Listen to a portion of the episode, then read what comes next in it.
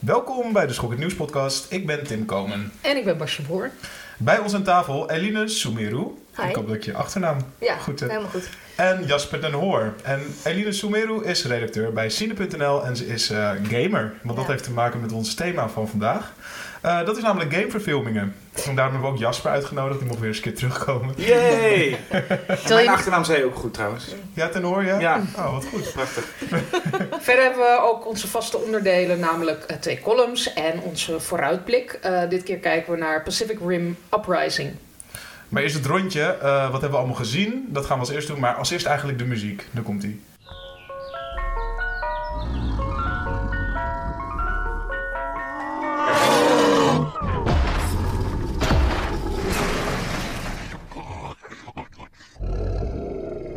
Ehm, in het rondje eh, bespreken we altijd eh, welke films we onlangs hebben gezien. Dat mag oud zijn of nieuw zijn. Gewoon iets wat je laatst hebt gezien. En Jasper heeft elk deel van Hellraiser gekeken. Ja, nou opnieuw gekeken. Ik Oh. had ze al een keer gezien en ik heb ze nu nog allemaal een keer gezien. Want Hellraiser Judgment, de tiende film, die, eh, die komt uit. 13 februari is hij op DVD uitgekomen, maar ik heb hem nog niet kunnen zien. Maar ik dacht, ik ga me wel even goed voorbereiden, dus ik ga ze alle negen nog een keer kijken.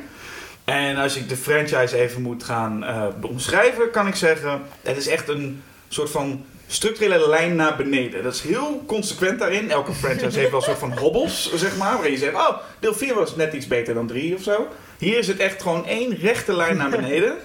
En we eindigen ook echt zeg maar, diep onder de grond. Dus het is echt niet aan te raden om ergens deel 9 nog te gaan kijken. Ik zal even kort door de, door de, door de serie heen lopen. Ehm, de eerste film, jij hebt hem onlangs gezien, Team, Ja, toch? voor het eerst in mijn leven. Vet ja, wel. dat is een goede film. Ja. Ja, dat is ook een goede film. Hij is lichtelijk gedateerd. Sommige effecten niet helemaal meer. Maar het is een, eh, een low-budget film. En hij was even weer wat anders eh, in de tijd dat hij uitkwam. Ik bedoel, het was even heel iets anders dan de slashes die we allemaal zagen. Het heeft een bepaalde naam, toch? Dat genre. Een techno... Is het zo? Een techno-horror... Ja, weet ik veel. Nee, ja, volgens mij Nou, wel. ik heb ook geen. Cyber? Dat is iets anders. Ja, cyber-techno-horror. Nee, punk... punk nou, weet ik veel. Cyberpunk. Cyberpunk horror. Nee, het is toch geen cyberpunk? Nee, is dat Nee. niet zo? Oké, nou ja. Ik weet niet precies wat, Wat ook het is. Tetsuo is. Nee, dat is cyberpunk. Maar Oh. dat is, dit is Hellraiser volgens mij niet. Oh. Maar ik heb eh, nog nooit een Hellraiser gezien. Dus ik, kan er ook niets over zeggen. Nee, nou ja, de meeste mensen dus denken dan aan Pinhead, de, de, het, het icoon. Maar als je eigenlijk de eerste film kijkt, de eerste film gaat daar helemaal niet over. En Pinhead heet ook geen Pinhead, maar gewoon een leider. Hij is de leider van de Cenobites die kort en maar in voorkomen. De film gaat eigenlijk meer over een soort driehoeksverhouding en de vraag hoe ver ga je voor de liefde. En dat is een, het is een gore film, maar het is een bijzondere, goede film ook ergens. En die blijft nog steeds staan. Eh, iedereen heeft het een beetje over deel 2, Hellbound, alsof het een soort van The Godfather 2 is. Hè? De meesten vinden hem ook misschien wel beter dan de eerste. Als ik hem nu terugkijk, denk ik, hij is niet beter dan de eerste, maar hij is, zeker als je dus de franchise helemaal bekijkt, Ik, ik zie meteen weer die uh, rechte je moet de lijn zien. ja. En ja, de- hij is, maar hij is nog wel leuk. Dat, dat zover kan gezegd worden. Daarna werd het namelijk Amerikaans. En Amerikaans betekende gewoon dat het een, een zoepzootje wordt. En deel 3 en 4... ehm, nou, misschien dat deel 4 net echt een fractie beter is dan 3. Maar het is, het is eigenlijk echt een stuk minder. Ehm, en deel 4 daar eindigde ook eigenlijk de theater-bioscoop release van Hellraiser. Daarna werd het straight to DVD. Ja, dat weet ik nog van vroeger. Toen ik in de videotheek werkte, kwam er echt elke week een Hellraiser uit. Ja, en hoe ze ook gemaakt werden, werd ook een beetje zo gedaan. En zeker de laatste twee, 7 en 8 eigenlijk, er werd gewoon een script gepakt.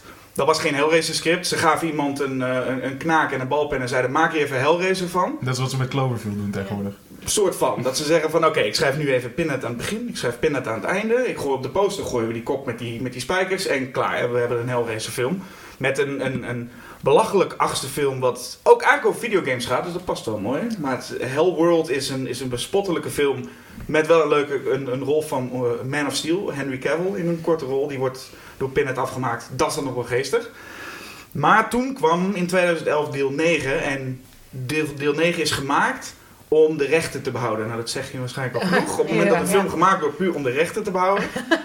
en als dat dan niet genoeg zegt, Doug Bradley, de man die acht films lang Pinhead speelde, zei zelfs, nee, ik hoef niet meer. Het is, het is wel goed. Hij kreeg het salaris volgens mij van waar hij net een diepvries van kon kopen. En hij zei, het moet binnen twee weken af. Weet je, laat maar. Nou, die film, daar zie je dat ook echt aan af.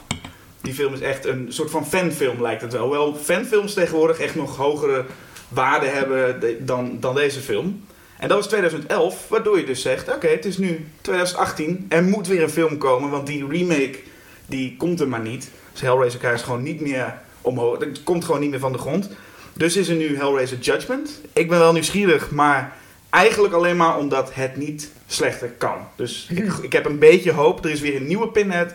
En wat het precies gaat worden, geen idee. Daar ben ik nog wel nieuwsgierig naar. De recensies zijn niet heel goed, maar zo slecht als 9 zal het waarschijnlijk. Dus misschien is dit de eerste keer dat Hellraiser weer een heel klein beetje gaat stijgen. Ik vind het wel leuk dat we op jou kunnen vertrouwen dat je al die kutseries gewoon helemaal afkijkt. Heftig hè? En daarom worden die films waarschijnlijk ook nog gemaakt. Omdat er veel meer mensen zijn als ik die dan denken: oké, maar ga ik ze allemaal nog wel kijken. Dus eigenlijk ben ik ook het probleem van wat ik zelf ook een probleem vind. Ja, ja, dat is ja. wel jammer. Maar inderdaad, ik, eh, ik kijk de rommel wel weer. Maar misschien een, een soort van Pinhead versus Jigsaw-achtige serie, zou dat nog kunnen?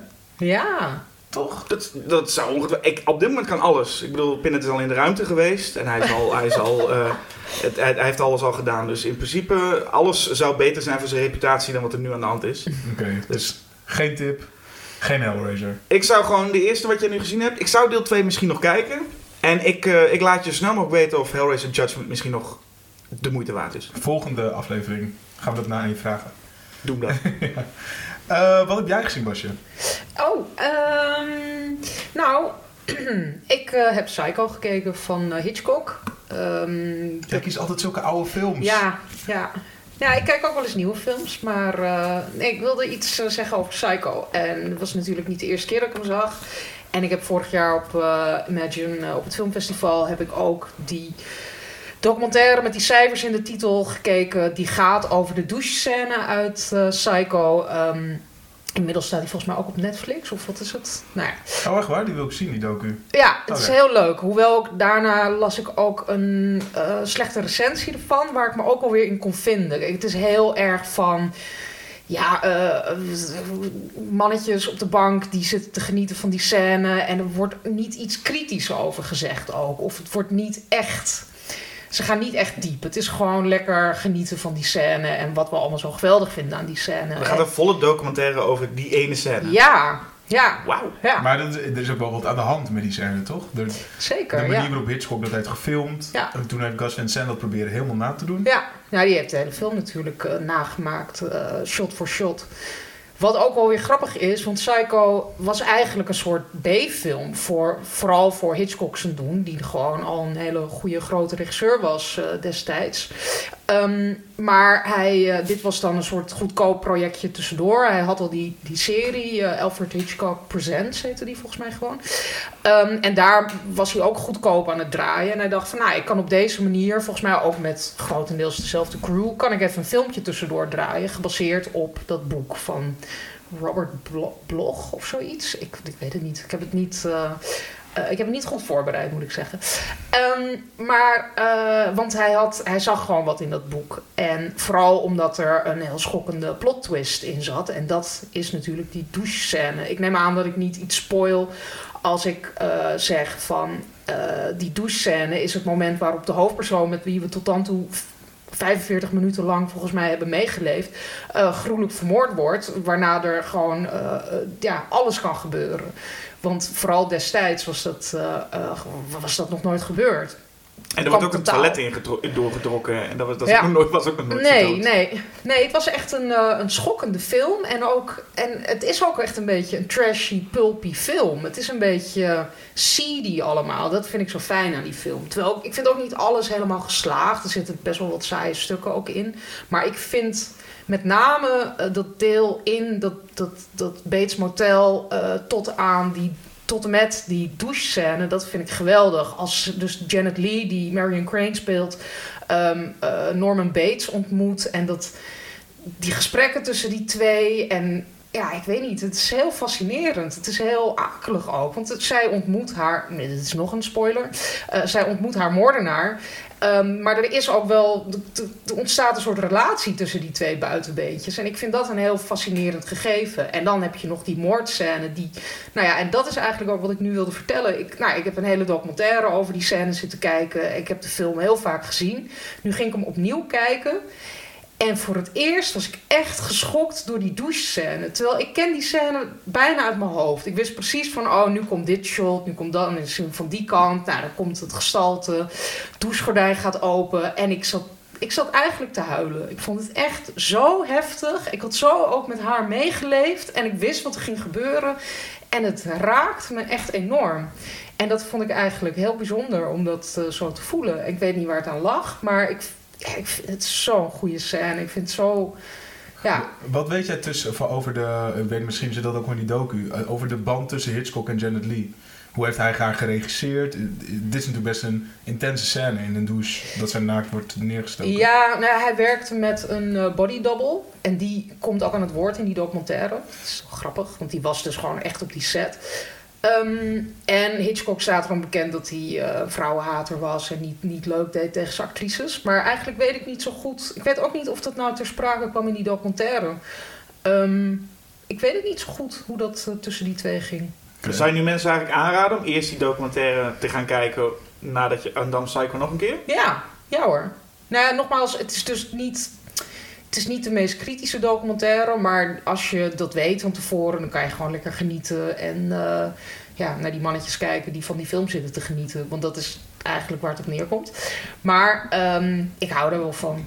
Ik vind het wel. Uh... Net als Room 236, toch? Van, uh... Ja, die heb ik nooit gezien. Oh, dat is zo'n zo, zo belachelijke documentaire. Vond je dat? Ik vond oh, het fascinerend. Ik vond het echt het zo. The Shining, toch? Ja, ja Shining, over dit, met, ja. met mannen die zeggen: hey, en als je dit shot op de kop draait en je draait dan achter ja. voren, dan kun je dit en dit zien. En misschien bedoelde hij dat en dat. En dacht ik: ja, hallo, zo, zo kan ik ook een film wel ja, maar dat is, toch, dat is toch fascinerend om dat soort gekjes aan het woord te hebben. En dan nou, oké, okay, maar dan moet je het niet presenteren als waarheid. Dat was echt een, een, een compleet. Maar dat doet hij volgens mij ook niet hoor. Rodney Asher, die, die, die regisseur. Nee, oké, okay, maar die mannen wel. En dat was super. Ik bedoel, als, als een komische sketch kan het nog leuk zijn om die gekken aan, de, aan het woord te hebben. Maar een volledige documentaire aan zulke mensen die alles binnenste buiten draaien en zeggen. En dit zag hij er misschien in.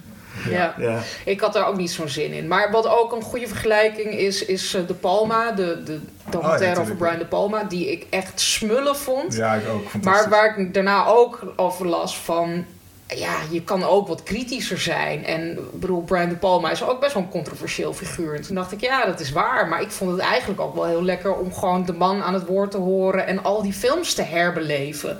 Ja. Want ik ben gewoon heel erg fan. En dat is dan toch niet erg? Ik bedoel, nee. voor de mensen die dus niet zo van De Palma houden, die vinden die docu waarschijnlijk niet zo aan. Nee, maar ik snap ook wel dat je daar kritiek op kan hebben. Dat je denkt van, nou ja, als je echt dieper wil graven en als je echt een soort van uh, dieper de, film in, de filmgeschiedenis in wil, de materie in wil, dan moet je ook kritisch kunnen zijn. Dus dat, dat ja. snap ik ook wel weer. Ja, maar aan de andere kant, dat mag natuurlijk een documentaire maken, zelf weten. Ja, dat is waar. Ja. En Psycho besta staat nog steeds als een huis, toch? Of niet? Naar de hele film? Ja, ja. Ik, er zitten echt, ik vind wel dus als Marion Crane uh, dood is, vind ik het, het is iets saaier worden wel. Maar dan nog steeds zitten er fantastische scènes in. Het einde is geweldig.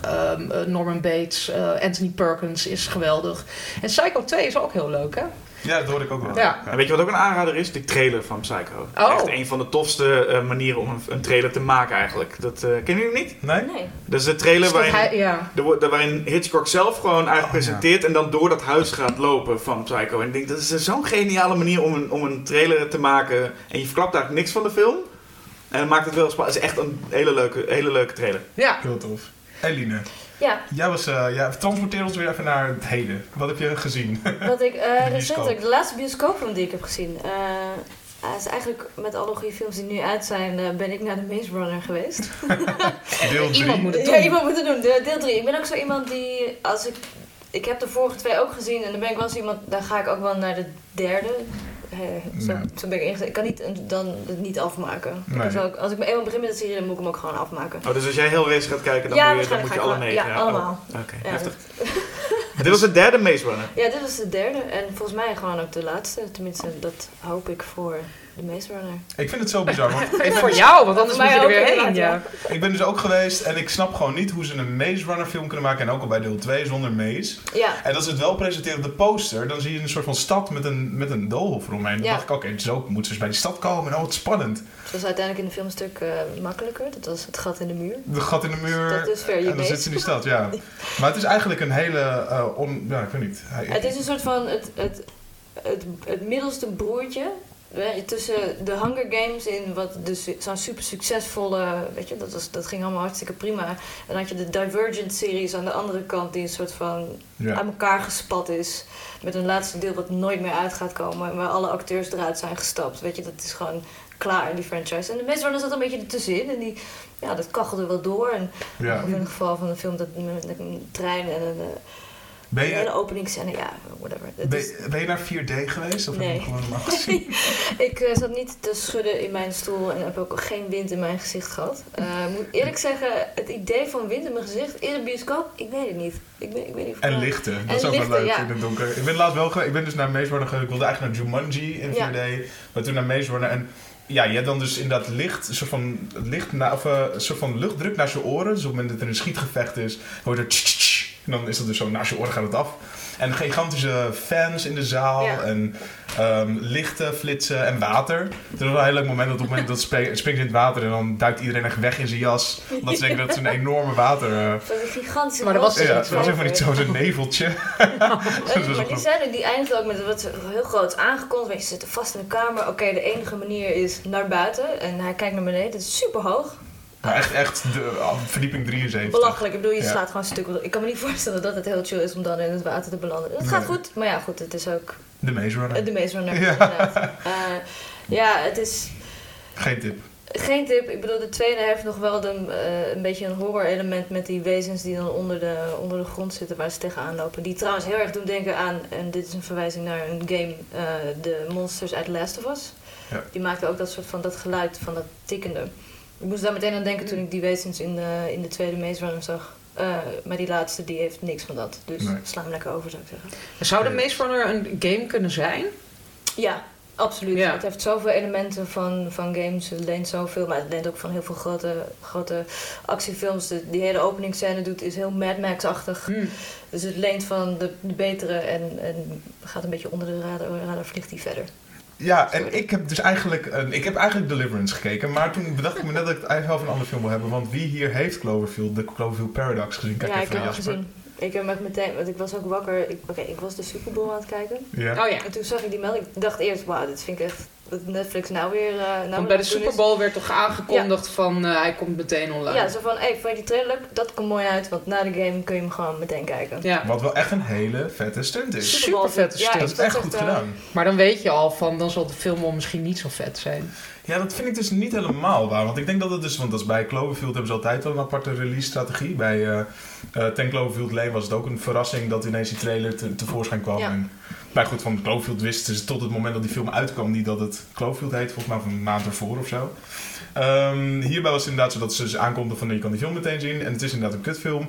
Maar tegelijkertijd is het wel gewoon een ja, vette manier om een film te releasen. En willen ze volgens mij vaker gaan doen, ook met de nieuwe Cloverfield die er ook aankomt. Ik begreep alweer dat er inderdaad in oktober alweer een vierde komt. Ja, Overlord Dat is echt een goed teken. Maar ik heb dus het idee dat ze oude, andere films opkopen en dan dus er een Cloverfield randje aan geven. Ook geen goed Ah. teken. Ja, dat is precies Geen wat is teken. gebeurd. De, ze waren dus een andere film aan het maken en realiseerden ze zich zeg maar halverwege van... God, dit zou best wel leuk... Een beetje wat jij net omschreef met Hellraiser. Ja, dan ja. tijdens productie. Ja, En dan, oh, we plakken er gewoon wat dingen tussen. En Maar dat zou God Particle of zo heten, toch? Ja, precies. film. maar dit, ging, dit werkte dus wel Ja. bij Ten Cloverfield Lane, wat een soort van claustrofobische thriller is in een kelder. En dan Ja. wordt het gelinkt aan de Cloverfield-wereld. Nou, hierbij zit dus één eindbeeld, dat dus wel Cloverfield is. Ja, Maar tot dat moment is het eigenlijk gewoon een space.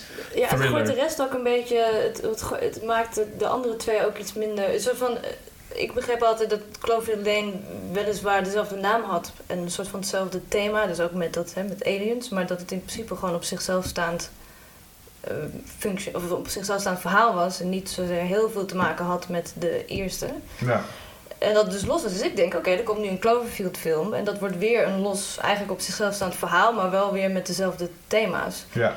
Maar in plaats daarvan linkt het weer terug naar de eerste, waardoor die tweede ook een beetje een soort van, ja, wat, je bent Ja. je eigen universum nu ook een beetje, of hè, wat je hebt opgezet. Dat hangt dan ook weer vanaf wat ze met de volgende doen. Precies, ja. ja, die speelt zich af in de Tweede Wereldoorlog. Ja, ik vind het dus juist wel... Want anders krijg je een soort serie waarbij de film elke keer een soort van opnieuw wordt gedaan. Maar dan Ja. net even iets spectaculairder met iets meer geld er tegenaan gegooid. En eh, ik vind het ook wel een grappige eh, benadering van een, een reeks films. Ja.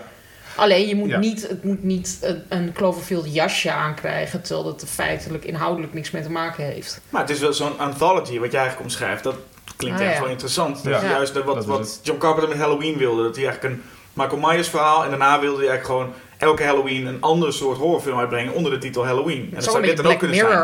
Ja, een soort Ja. monster, monsterfilms, allemaal op verschillende manieren. En allemaal met in ieder geval de naam Cloverfield en allemaal mysterieus. Ja. Maar dat je nu inderdaad een universe gaat bouwen en dat we straks één keer een film krijgen waar al die monsters bij elkaar komen te vechten, dat, dat- wie heeft daar nou zin in? Ja, precies. En het, is, en het is toch, nou op zich, het, is, het begint heel spectaculair. Het gaat dus over een, eh, dat er nergens meer op de wereld elektriciteit is. En zij gaan in een spaceship de ruimte in om daar dus elektriciteit te halen. En dan tegelijkertijd is de wereld eigenlijk, zij zijn eigenlijk de laatste hoop. En dan, ja, ze hebben nog een paar eh, pogingen om, eh, om elektriciteit te krijgen van een of andere planeet of zo, weet ik veel.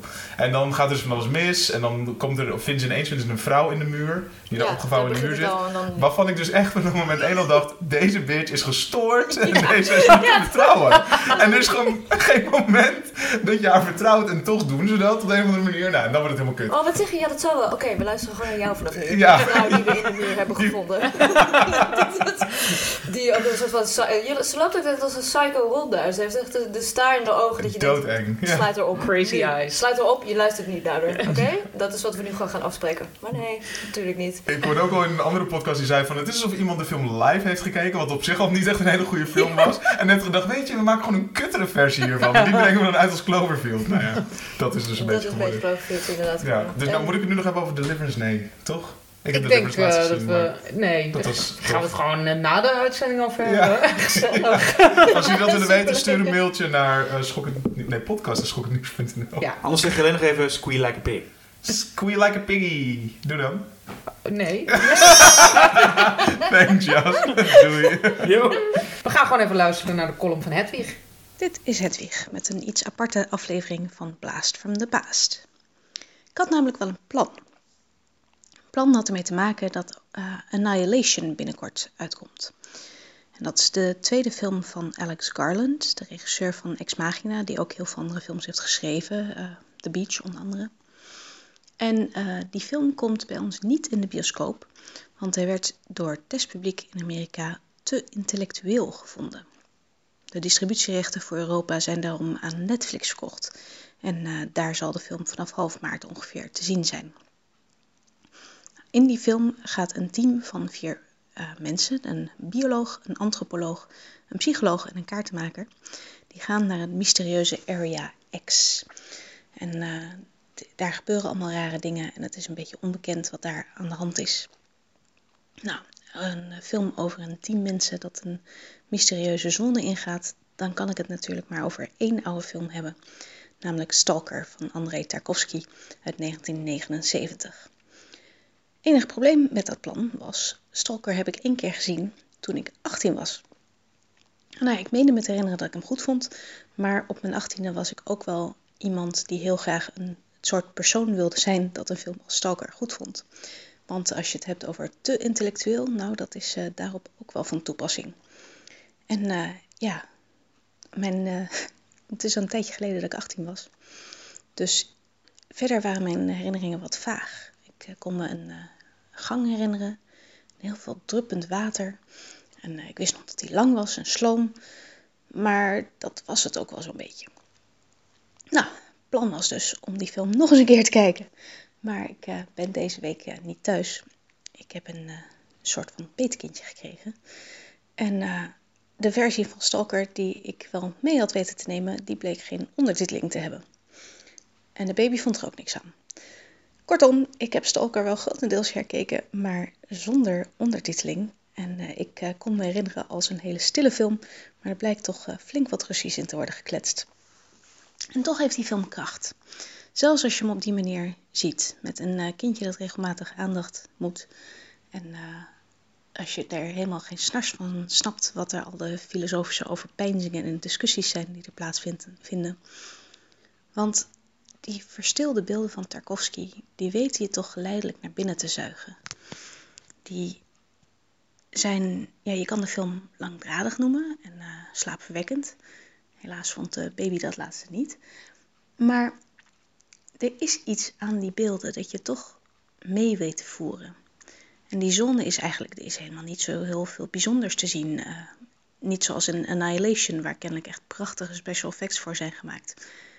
Het is eigenlijk vrij, vrij banaal. En toch heeft het iets mysterieus. En daar komt bij dat het verhaal, zelfs als je het maar half volgt, iets heel krachtigs heeft. In de zone, die verkend wordt door de drie mannen, en eh, hier ook wordt ze aangeduid met hun beroep. Dus we hebben de stalker, die de gids is. We hebben uh, een schrijver en een professor. En die zijn op zoek naar een kamer in de zone die je diepste wensen in vervulling laat gaan. Maar ja, je diepste wensen in vervulling laten gaan in de, de kunst is dat meestal iets waar je niet te hard op moet hopen. En uh, ook in Stalker is dat zo. En is, het heeft ook heel erg mee te maken dat wat je diepste wens is, niet altijd is wat je zelf denkt dat je diepste wens is. En zo ging ik toch een beetje nadenken over wat dat dan zou zijn, de diepste wens. Wat zou die kamer mij geven? En die zone die wordt een heel soort abstracte plek die toch heel concreet in beeld wordt gebracht. Dat is denk ik wat Stalker zijn kracht geeft. Zelfs dus zonder ondertiteling, met een huilende baby. Annihilation moeten we nog zien. Te intellectueel vind ik op zich niet uh, eng. Maar ik vraag me af, zou die te intellectueel zijn op dezelfde manier als Stalker? Dat is te zeggen, dus uh, traag en vol overpeinzingen. Of zou het op een uh, andere manier voor het testpubliek te uitdagend zijn geweest? Nou, het voordeel is wel, zelfs als je moet passen op een kleinkindje, kan je hem dus binnenkort zien op Netflix. Dit was Hedwig met Blast from the Past. Terug naar de rest van de podcast. Dankjewel, Hedwig. Ja, en dan gaan we het nu hebben over gameverfilmingen. Want um, ja, die staan er meestal onbekend dat ze zowel door kritisch als publiek niet goed worden ontvangen. En toch komen er jaarlijks een aantal uit, wat echt bizar is. Uh, waarbij uh, kort voor de release vaak een buzz ontstaat. Assassin's Creed gaat het die wel lukken om een slimme blockbuster te worden. Die trailer van Silent Hill zag er destijds best wel vet uit. En waar is getrouw? Misschien dat dat nou de horror survival game verfilming is waar we op wachten. En nu de reboot van Tomb Raider met Oscar-winnares Alicia Vikander als Lara Croft. Hell yeah, of toch niet? Uh, telkens komen we van een koude kermis of uh, arcadehal terug. Sterker nog, de best gewaardeerde gameverfilming volgens Rotten Tomatoes is Final Fantasy The Spirits Within uit 2001. Met 45% van de recensies positief. Dus het is eigenlijk nog maar de vraag of we ooit een film gaan hebben die positief uh, op Rotten Tomatoes, fresh, wordt bestempeld. Weet, je wat, weet je wat de tweede best beoordeelde is? Um, Met 44%? De Angry Birds movie? Angry Birds oh. ja. dat, dat, zegt ook wel heel erg over de staat van uh, waar echt, we zitten. Echt vreselijk. Nou goed, deze aflevering praten we dus over het gebrek aan succes van gamefilming. En dat doen we met Eline, yes. uh, onder andere. Uh, om maar meteen met de deur in huis te vallen. Wat is jouw favoriete gameverfilming? Mijn favoriete... Ja, het blijft wel lastig. Het is niet zozeer wat de beste is, maar wat de minst slechte is. Ja. Oh. ik denk, we hadden het er net al over. Silent Hill vind ik eigenlijk best wel een oké. Die staat in de achtergrond ja, aan bij aan ons. ja. Nog even voor de sfeer. En ik vond toen die uitkwam de eerste Resident Evil film best vermakelijk. Best wel tof. Die, ja, best wel vooral met die scène in de tunnel met die laser, dat laserraster wat mensen in stukjes hakt. Vind ik nog steeds oh. een van de leukste scènes ja. uit die film. Met Michelle Rodriguez. Precies, wel ook weer de dalende lijn naarmate de franchise verder ging met wat mij betreft het diepte, absoluut dieptepunt de laatste film. Uh, Welk nummer is dat? Zes? The Final Chapter? Ja. Daar hoorde ik dus van dat het nog de beste was van de alle slechte vervolgen. Ja, maar... dat zou je best kunnen zeggen. Maar... Oh, zeven zie ik in mijn naam. Oké, okay. ja, maar nou, 2016. Ik, ben, ik heb dus dit weekend ook geprobeerd om ze allemaal te kijken. Ik ben op een gegeven moment in slaap gevallen en bij de laatste weer wakker geworden. En toen dacht ik, nou, dat is voor mooi geweest zo. um, maar wat ik ook van begrijp is volgens mij dat de, de rechten van de film ook bij de regisseur en hoofdrolspeelster liggen. En niemand komt daar ooit meer aan. Dit, de, deze franchise gaat gewoon net zo lang door totdat, totdat het geld op, opraakt en dat niemand ja, er meer heen gaat. Of dat uh, Mila Jovovich uh, zo uh, oud is geworden. Ja. Of, of nou ja... Misschien dan ze kasten ze gewoon iemand met anders. Een soort rolstoel. ja. rolstoel met machinegeweren erin. Oh ja, dat is best vet. Ja. Maar ik vind het wel raar, want Resident Evil is, als je kijkt naar de gameserie... Ik heb veel gegamed vroeger. Ja. En dat gespeeld. En dat is zeker deel 1 is een hele claustrofobische film. Wel een beetje met deel 1 van de films. eh, Klopt, ja. eh, sorry, game bedoelde ik. Ehm, maar daarna is het uiteindelijk best wel ja, vette verhalen geworden in een soort van horror setting. Maar dit is echt alleen maar zombies, Mila Jovovich die rondrent en gigantische Hoe meer actie, vooral de, weet je, qua kleur ook gewoon bruin-grijs. Ik bedoel, het zijn ook geen mooie, ik vind het ook geen mooie films. Ja, de actiescènes soms, de vechtscènes zijn nog best wel cool. Maar ik speel liever de game. Helemaal als je realiseert dat de laatste game die uitgekomen is zichzelf opnieuw heeft uitgevonden. Ja? En een van veruit de engste, we hadden het net over VR. Die in VR spelen is zo eng. En het is ook weer teruggegaan naar inderdaad wat je het over had, de kleine horror setting. Dus een huis waar je weg moet zien te komen van hè, mensen die je achtervolgen. En je kunt niks. Je bent Zo'n gestoorde familie, Precies, de dat Texas Chainsaw ja, maar Massacre. echt compleet gestoord. Die hele openingsscène van die game is gewoon... Weet je wel, een familie die aan tafel zit en de lichaamsdelen aan het opeten is. Dat je Oh denkt, hoe kom ik hier zo God. snel mogelijk weg? En dat was zo cool, want die setting is gewoon veel kleiner geworden. Terwijl die films juist veel groter worden steeds. Met mensen, van die spektakelstukken dat je op een gegeven moment... En ze flikkert altijd van een gebouw af. Ja, ze flikkeren altijd van een gebouw af. En dan is er altijd weer een van de grote monsters dat ze moeten verslaan. En ja, Ja.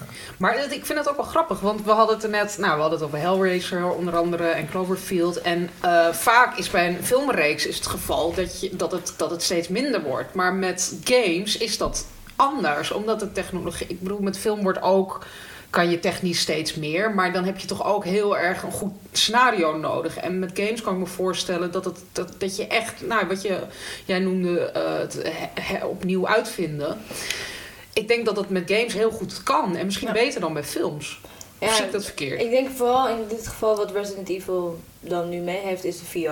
Ja. Het biedt zoveel en horror wordt, een- wordt een hele nieuwe beleving op deze manier, denk ik. Ik bedoel, ik denk, misschien zijn er nog niet heel veel mensen die het hebben kunnen doen, maar ik denk, het is zo eng. Ja. Je kunt niet meer ontsnappen aan, aan de horror die achter je aankomt. En het is super confronterend. En ik denk dat dat het ook zo'n Resident Evil game zo leuk maakt. Maar die films, ja, daar gaat niks aan veranderen. Dat wordt gewoon, dat, nou ja, tenzij het inderdaad misschien de laatste is, maar dat denk ik niet. Ik was laatst uitgenodigd bij een vriend van me thuis. Zei van ja, ik heb eh, Resident Evil in VR en wil je het komen spelen, want ik durf het niet. Dus toen ik daarheen gegaan. Dat is, dan zat hij de demo, toen heeft hij hem daar nog gekocht. Het is echt heel eng, want je moet je voorstellen dat je loopt. Ik, zit gewoon met dus die VR-bril op en je loopt dan dus door een gang. Op het moment dat er iets achter je zit, dan kijk je achterom. En dan is dat ook echt een ander beeld dan vooruit.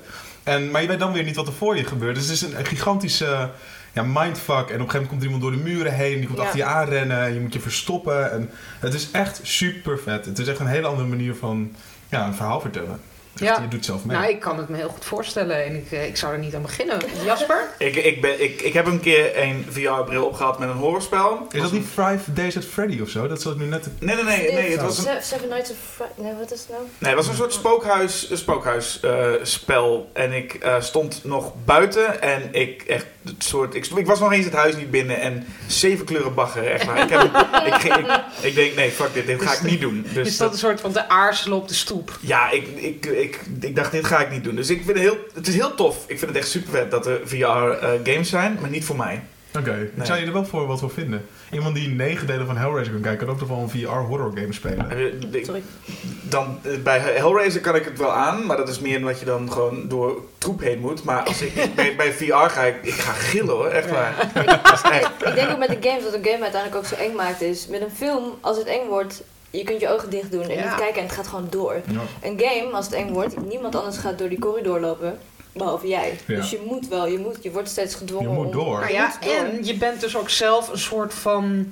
Je bent het zelf aan het doen. Het maakt jou ook een soort van verantwoordelijk of zo. Ja. Ik, weet- het is heel erg... eh, En als er Ja. iets op je Freaky. afkomt, het is ook helemaal Ja. dus met VR, dan komt het op je af. En natuurlijk, je, je ratio zegt het is niet echt. Maar op dat moment, je lichaam gaat gewoon voor. Want het is gewoon de, de, de reactie die je erop hebt. Ja, heel tof. Ja, Maar- super tof. Dus En je moet er ook goed in zijn. Want ik kan je vertellen, ik eh, speelde vroeger ehm, nog op een Playstation. Daarna ben ik ook echt gestopt met überhaupt spelletjes spelen. En ik dacht, ik ga het voor vandaag. Ik heb mijn oude Playstation even weer van stal gehad. Voordat ik naar deze podcast ging, ga ik het even weer proberen. En ik had Resident Evil 2 liggen. En ik wist, vroeger, ik haalde het nooit. Ik zette twee stappen, dan was ik dood. Dus ik denk, ik ga het nog even proberen. Kijken hoe, of nog hoeveel iets stappen lukt. je nu kon. eh. Ja, en ik heb het geteld. 13 seconden. Echt? Verder, ik kwam niet verder. Dus dat geeft al aan dat ik... Game is, is in principe game is niks voor mij. Want ik 13 seconden, toen werd ik al helemaal opgevreten door zombies.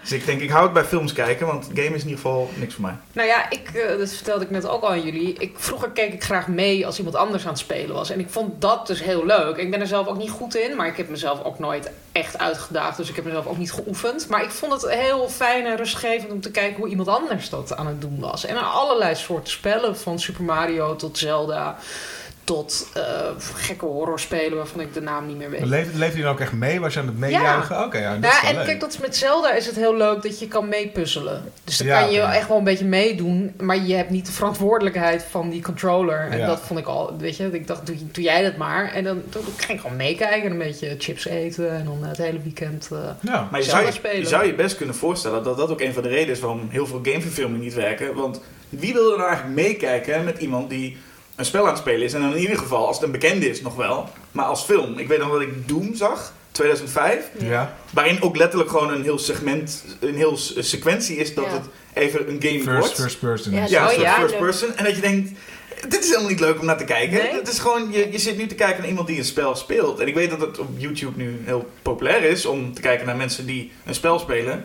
Maar dan geven ze nog leuk commentaar erbij. En nu Ja. zie je gewoon echt iemand dingen afknallen. En het is Maar ook anders in een film. Van een film verwacht je andere dingen. Je hebt een ander soort, je wil een verhaal veel meer. Maar, maar is het niet zo dat tegenwoordig heel veel van die games hebben een hele vette mythologie? Ik bedoel, daar kun je echt wel een film op bouwen. Ik bedoel, Ja, Het is- misschien wordt het juist daarom zo, daarom zo moeilijk om het te doen. Ik denk dat ik het, denk omdat je zo'n, op het moment dat je al zo'n gedefinieerde wereld hebt gebouwd met zoveel karakters, op het moment dat je dat dan naar film gaat vertalen.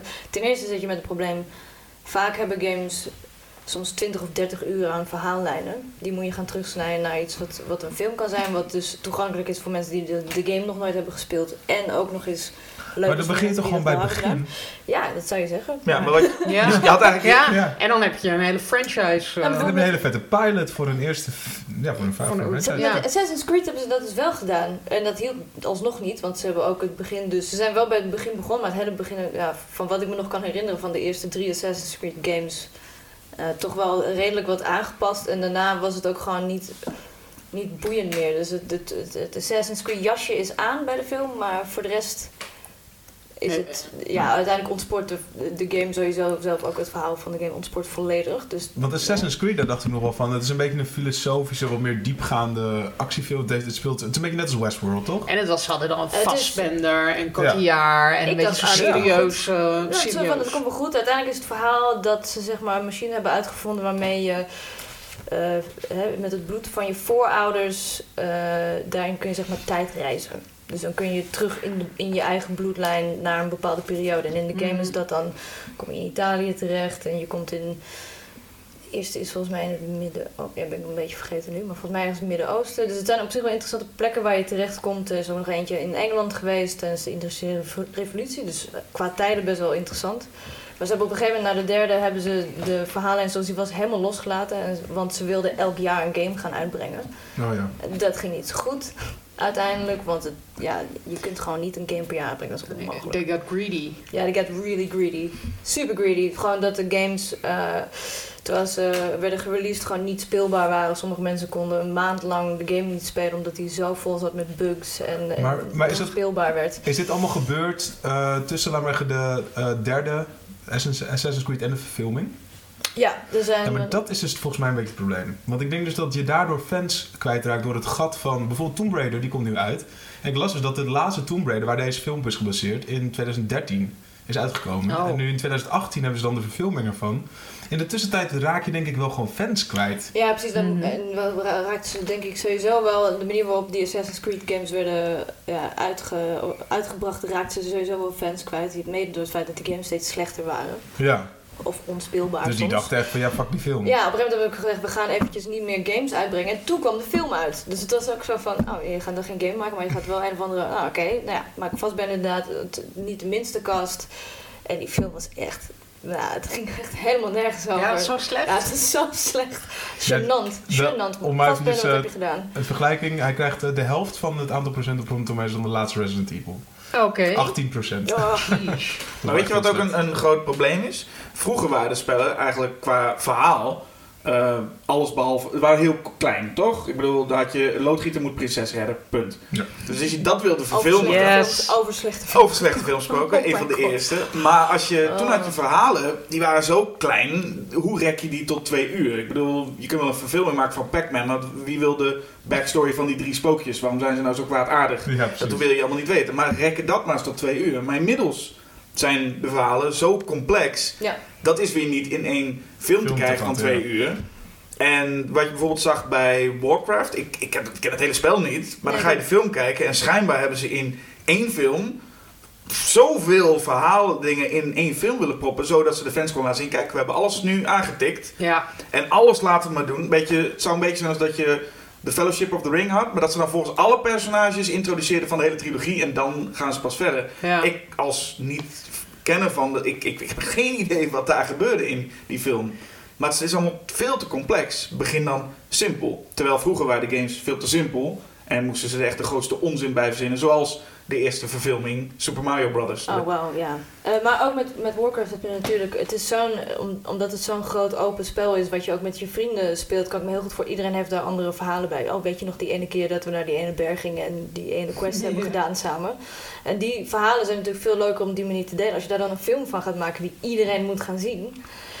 Ja, Waar begin je? En dan beginnen ze dus met alles. alles. Ze Ja. lieten alles zien. Elk personage, alle dingen lieten ze zien. En dan hopen dat als dit succes was... kunnen we overal op voortborduren in... Ja. weet ik hoeveel sequels. Maar volgens mij is die film in ieder geval redelijk geflopt. Of in ieder geval, ik zie niet snel dat er een, een sequel komt. Ik ook niet. Maar uiteindelijk, als je het legt naar zo'n boekverfilming, bijvoorbeeld eh, The Lord of the Rings, daar zou je dan ook van kunnen zeggen: ja, dit gaat, te- dat gaat nooit werken in een film. Zou het misschien komen door het feit dat games sowieso ook al visueel natuurlijk dan al helemaal af zijn? Ingevuld zijn. Ja. eh, En een boek is al een verhaal. Want als ik eh, eh, John Carmack mag quoten, de, de, de programmeur van onder andere Doom, die zei dat het verhaal van een game is eigenlijk hetzelfde als het verhaal in een pornofilm. Het moet er wel zijn, dus je wordt verwacht dat dit er is, maar het is niet belangrijk. En dat is ergens ook zo. Het is niet Ja. het belangrijkste dat er is. Terwijl bij een film en een boek en ook een, een, een stripboek is het verhaal het belangrijkste. En dat is bij een game niet per se zo. nee. Klopt. En, het heeft een andere functie, dat verhaal. Ja, en soms denk ik ook dat studio's gewoon denken... we nemen deze game en het, de naam is alleen is genoeg. De Max Ja. Payne heb ik ook nog eventjes gekeken. Oh ja, hoe was die met Mark Wahlberg? Ehm, De zucht zegt genoeg. ja, ook zo van wat die game... Ik bedoel, in die game heb ik niet zo heel veel. Dat, dat is echt ook... Dit is ook een super oude, oude game. Maar de stijl en de sfeer in die game was echt bepalend. En zo de bullet time, dat was dan super cool. Dat je een soort van slow-mo uh, allemaal mensen kon Maar hallo, dat was toch ook al in de, de Matrix in Precies, 1999. die kwam dus daar inderdaad. Dus voor de game was, maar voor die game Oh, was voor die dat, game, ja, ja. voor de game was dat super belangrijk. Ja. Of tenminste, dat was de, het, het, eh, een van de dingen die denk ik de meeste mensen zich nog wel kunnen herinneren. Ehm, maar die film was gewoon, er kwam ook volgens mij drie jaar na Sin City uit, dus ook de hele stijl Ja, van die film. 2008 eh, zie ik hier. Ja, dus dat was. eh, de- ik zat een beetje te. Weet je, de manier van belichten en de kleur, het kleurgebruik en een soort van set met veel wit en zwart Contrast. ja, contrasten ja. was. Dat ik dacht, oké. en ja, het personage uit de game kwam ook niet echt terug. Mark Wahlberg heeft niet begrepen, denk ik, wie, eh, wie hij speelde. Hij is ook niet de slimste.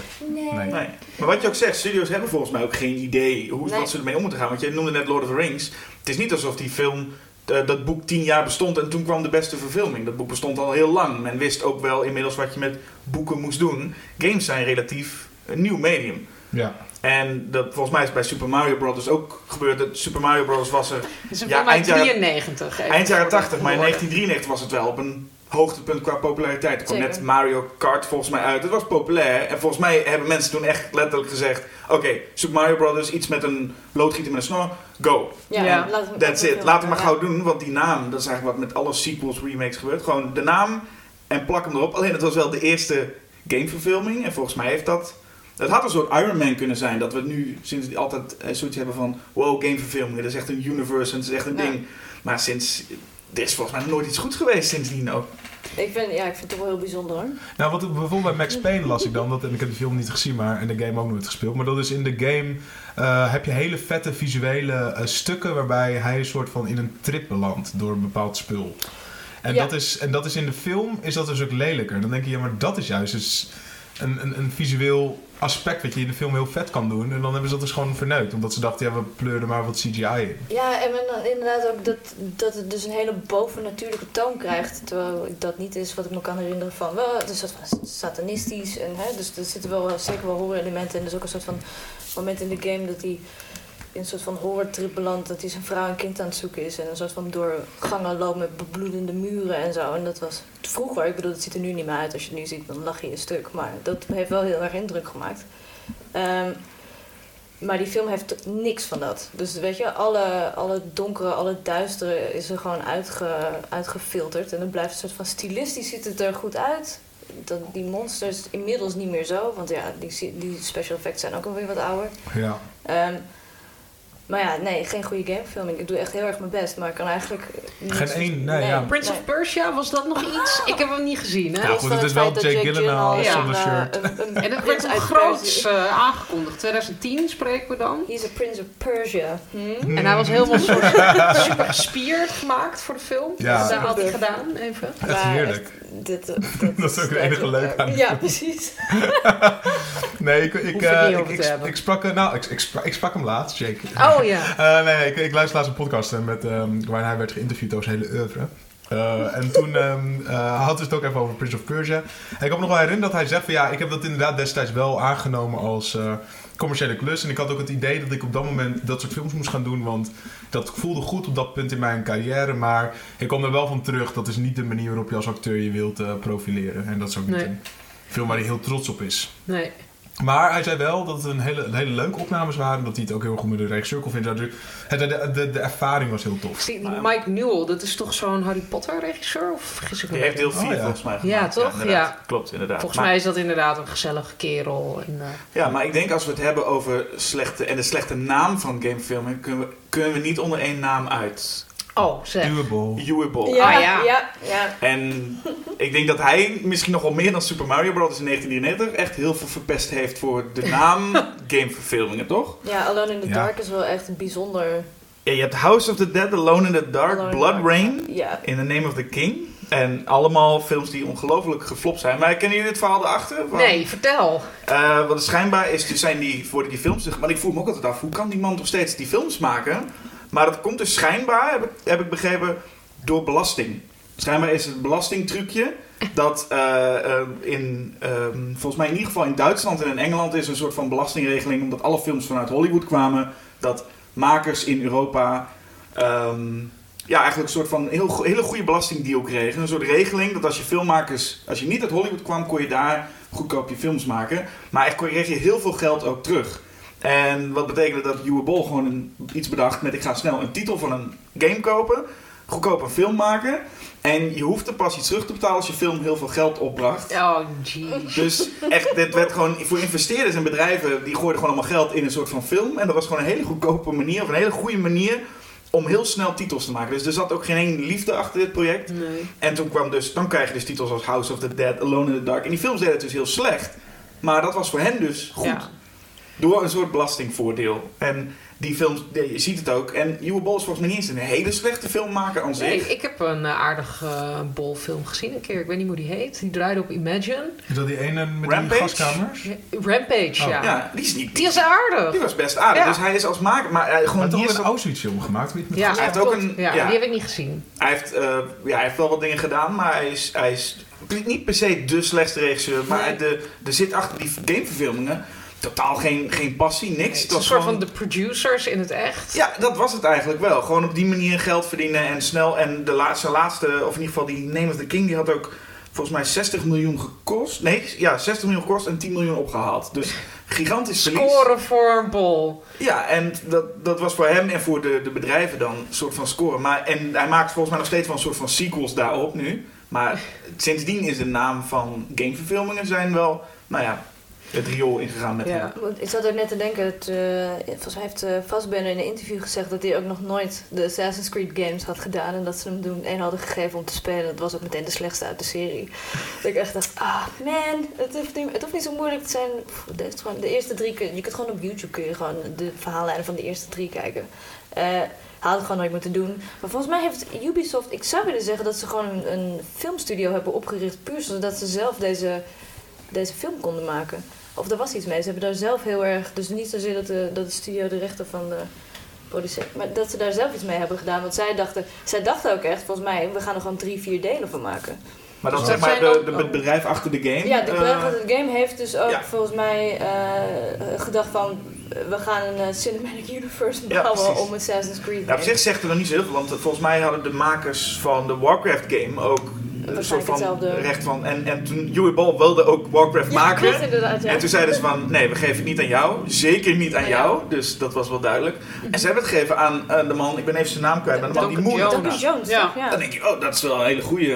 Eh, maar het zegt dus aan niet zo heel veel. sorry? Duncan Jones. Oh, Van ja. Moon. En dan denk je, oh, dat, dat, Ah, ja. Sommige dat is zijn een... toffe films, ja. Ja, maar dat zegt dus ook nog niet zo heel Nee. veel schijnbaar. Nee. En studio's, eh, ik, ik vergeet haar naam, of ik spreek haar naam waarschijnlijk niet uit, maar Rihanna Pratchett, die schreef voor games juist, die schreef de verhalen van games. Die gaf ook aan van studio's zijn ook niet geïnteresseerd in het verhaal, zeg maar van de films ook. Want je ziet aan het verhaal niet snel, eh, heel snel van oké, hier- hierdoor gaan er meer ver- verkocht worden. Precies, ja. Dus dat, Hmm. vandaar dat zij ook zegt, het is ook heel moeilijk om studio's te overtuigen om met een goed verhaal dat je daar uiteindelijk betere films mee krijgt. Nee, het gaat om effecten, het gaat om hele tof, het gaat om een goede naam.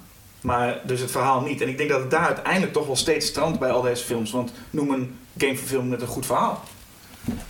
Nou, Eh. daar zijn er wel genoeg. Ik bedoel, Silent Hill.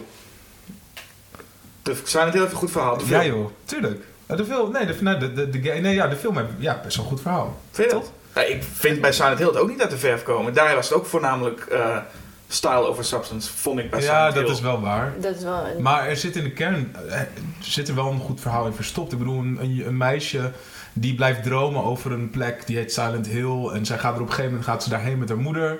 Ze komen daar en het is eigenlijk een plek die wordt behekst. En die soms een heel eh, soort van andere dimensie is. En Maar ik zou vragen, is er iemand die zeg maar Silent Hill ziet en dan denkt... Wow, die film is me echt bijgebleven vanwege Ja. dat verhaal. Nee, maar misschien wel vanwege het concept. Ja, horror, ja. Misschien is dat dan ook wel als je alleen maar voor het concept gaat en dan vervolgens denkt... eh, Ja, precies. Ja, Het concept van Assassin's Creed is cool. ja dat vind ik ook heel cool. De film daarentegen, not so much. Ja. Je ziet Ja. een beetje dat dat gebeurt. Oh, we hebben een titel die Ja, verkoopt. precies. We hebben een concept. Go. Go. En dan inderdaad... Maar ook, dat vond ik dan ook wel weer grappig. Zo van Dat je dan aan je eigen verhaal zoveel aanpassingen maakt... dat de film dus niet echt meer trouw is aan de eerste eh, drie... of dan, dan de eerste game. Mhm. Ja, uiteindelijk blijft wel hetzelfde dat het dus over die bloedlijn gaat. Maar weet je, ook gewoon geen tip. Ga gewoon niet Assassin's Creed kijken. Doe het sowieso niet. hey, en Tomb Raider? Tomb Raider. Heb jij die nooit gezien, Basje? Nee, die heb ik nooit gezien. Nee, Dat is, ehm, 2001. ja, Oh ja, Jan Ja, de Bond maakt het de sequel, toch? ja, die was iets beter dan het eerste deel, de sequel. Is zo? Ja, A Cradle of Life. Oh, werd ja. eh, wel de helft zo goed bezocht, geloof ik. Dat was echt eh, een flop. Maar ja, nee, ja, het is ja, Lara Croft eh, of eh, Angelina Jolie in een strak pakje die ehm, eh, met guns rondrent. En volgens mij gaan ze het gewoon nu één op één kopiëren met Alicia Vikander. En die, die rent ook van watervallen af. Die springt van, uit vliegtuigen. Dat, ja, dat ja, dat zie je in de trailer wel. Ja. Ja. Het, het spreekt mij totaal niet aan. Heel Nee. weinig zin in. Eh, ja, nee, het is ook weer, ja, het blijft hetzelfde. Ik moet wel ik zeggen, heb ik de, ik volgens mij de eerste film ooit wel gezien. Daarna ook niet meer. Games vroeger ook niet zo heel veel gespeeld. Ik had wel heel veel vriendjes die dat heel Ik, veel ik, deden. dat spel was ik heel slecht in. Daar ging ik echt tot meteen eh, binnen Ik twee minuten dood. altijd. Ja, ik ook. Dan moest je ergens... Voor mij, je hebt één zo'n deel van de game dat begint op een soort van... op zo'n helling. Ja, Dan, dan je, Ja. je, je, je begint meteen op een helling en moet je van alles ontwijken. Nou, dan ben ik al dood over. ik heb wel de latere, de latere games wel gedaan, maar op een gegeven moment... Dus dat, en de laatste pas heb ik ook echt best wel goed, ook goed ontvangen. Dus ik denk dat ze daarom ook dachten, nou weet je wat? Weet je welke franchise weer een nieuwe film nodig heeft? Tomb Raider. Ja. Eh, ik vind de actrice heel erg leuk, dus eh, ik, weet je wat, we gaan het wel gewoon zien. Maar met medium enthousiast toen ik de trailer zag. Ja. Ja. Ja, ja. En eh, Final Fantasy, dat is dus de best gerecenseerde gameverfilming. Niet dat- Heel Vijf- heftig. 45 procent. Ja, Die lat ligt niet heel hoog, maar hebben we dat gezien? Doodenge animatie met van die eh, Polar Express-achtige eh, soort van... ja, ik zie die beelden wel voor me, maar ik heb hem niet gezien. Ja, zo'n zo, zo'n animatievorm waarbij je gewoon geen uitdrukking in het gezicht ziet. Alsof je alsof je naar allemaal botox, alsof je naar heel veel eh, aan het kijken bent. Ja. Ja, het is een, ja nee, ik heb hem toen in een sneak preview gezien en ik vond hem volgens mij wel maar, eh, interessant, maar ook niet zeggend. Hij kijkt er heel bedenkelijk bij. Ja. Dus, eh nou ja, goed. Wel, Maar eh, was het gewoon live action of is dat... Moet je nou Nee, het is even- animatie. Ah, ja, Sandra Bullock ja. doet een van de stemmen. Dat is het enige wat ik nog weet. Ah. Oeh. Ja, en je hebt dus ook nog heel veel ga- of, eh, sorry, films die, waarin games dan een grote rol spelen. Zoals Tron natuurlijk. Daar en zitten wel wat betere titels tussen, hè? Tron vond ik heel tof. Tron Legacy. Ja, zeker. En de Zag eerste uit. is ook eh, leuk. Maar ook Wreck-It Ralph bijvoorbeeld. Of War Games, zo'n eh, soort cultklassieker. Zo, dat zijn en dan weer... eh, Jumanji, Welcome to the Jungle, eh, een Ja. recent voorbeeld. En Ja. de, be- de, de beste van allemaal, denk ik, Scott Pilgrim vs. The World. Persoonlijk een hele... Ja, Ja, zeker. Ja, ik had hem niet eh, in mijn lijstje gezet omdat ik dacht... mm, Ik vond het toch te weinig Te rol weinig? spelen eigenlijk. Ja, maar het is eigenlijk bijna een soort van letterlijke Street gameverfilming. Alleen niet van een game dan Nee. eigenlijk. Dan heb je het heffen game elementen met level up en muntjes. Ja, juist dat. Heel veel muntjes. Maar dat is dus wel weer, dat is wel grappig, want het game-stuk wordt dus als stijl gebruikt Precies, in een film die heel erg origineel is qua script. Ja, het is veel meer Ja. een coming-of-age verhaal over eh, hoe je niet zo egoïstisch moet zijn in, in, als je verliefd bent. Maar het is, precies anders, het is eigenlijk precies andersom wat er met de gameverfilming gebeurt. Want Ja, bij gameverfilming probeer je heel erg dat game-element juist weg Ja. te halen. Want je ziet aan heel veel van die gameverfilmingen niet dat het van een game komt. Een Street Fighter gaat heel moeilijk doen met verhaallijnen en niet gewoon letterlijk een soort van toernooi. Volgens mij Mortal Kombat deed dat wel, die verfilming. Dat je gewoon letterlijk een soort toernooi krijgt. Maar heel veel willen eigenlijk heel erg af van dat we zijn geen gameverfilming. Nee, we zijn echt een, meer een Lord of the Rings-achtig epic of iets dergelijks. En Stock Scarpel doet precies het tegenovergestelde. Ik ben geen gameverfilming, origineel verhaal. Maar we doen gewoon precies alsof we een game zijn. Ja, maar dan heb je dus... strip, hè? Even tussendoor. Ook Scott Pilgrim, toch? Ja. Ja.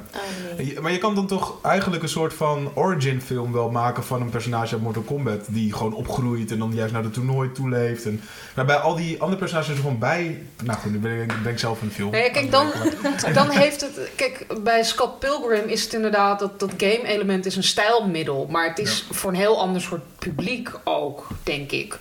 En eh, die mensen die een game-titel kopen eigenlijk... die willen de gamers aanspreken. Dus die gaan nog niet een coming-of-age verhaal vertellen. Die willen, dat dicht, die willen toch een soort avontuur vertellen. Maar ja, kennelijk werkt dat niet. Dus het Nou, is Wreck-It Ralph was ook een goed voorbeeld, want dat is Ja. ook een, een heel originele insteek Ja. eigenlijk. En een origineel verhaal, goed verhaal, maar met wel game elementen erin. Ja, het gaat over een, een eh, hoofdpersonage uit een game die, die wegloopt uit zijn eigen game en op avontuur gaat. Het is een Disney-film, maar heel, eh, heel geslaagd. En er komt er deel 2 van. oh ja? Ja. Misschien is dat wel gewoon de beste. Ja, nou en game. er komt er nog eentje, die mis ik nog in je, in je Oh, lijstje. sorry. Had een lijstje voorbereid. Ik had een lijstje gemaakt voor jullie. Eh, Ready Player One. Ja, die heb ik wel. Die staat Oh. eronder in het lijstje. De- Binnenkort oh, in de Sorry, ja, bioscoop. ik zie het. Ja, want die hebben we dus. eh, Tomb Raider komt eraan. En dan eh, eh, Ready Player One. En Rampage komt in april ook nog eraan. Ja. Ja. Maar wat, wat denk je van Ready Player One? het ziet er vet uit. Ja, een beetje Tron-achtig. Ik heb het boek niet gelezen, dus ik dat. Nee. Ik heb het boek wel gelezen. Ah. Ehm, het is inderdaad net zo. Ik, het boek zit zo vol van met verwijzingen waar je echt. Het, het verhaal is op zich best wel leuk hoor. Eh, maar op een gegeven moment worden die, had ik wel bij de verwijzingen zoiets van: oké, nu ik er wel een klein beetje klaar mee. Ja, Eh, want maar ik Verwijzingen naar games. naar games, naar- naar gewoon popcultuur in zijn algemeenheid. Dus films, games. eh, nou, Freddy Krueger zit er ook in. Precies, alles wat je kunt voorstellen. Dus ik zag die trailer, ik dacht echt, wauw.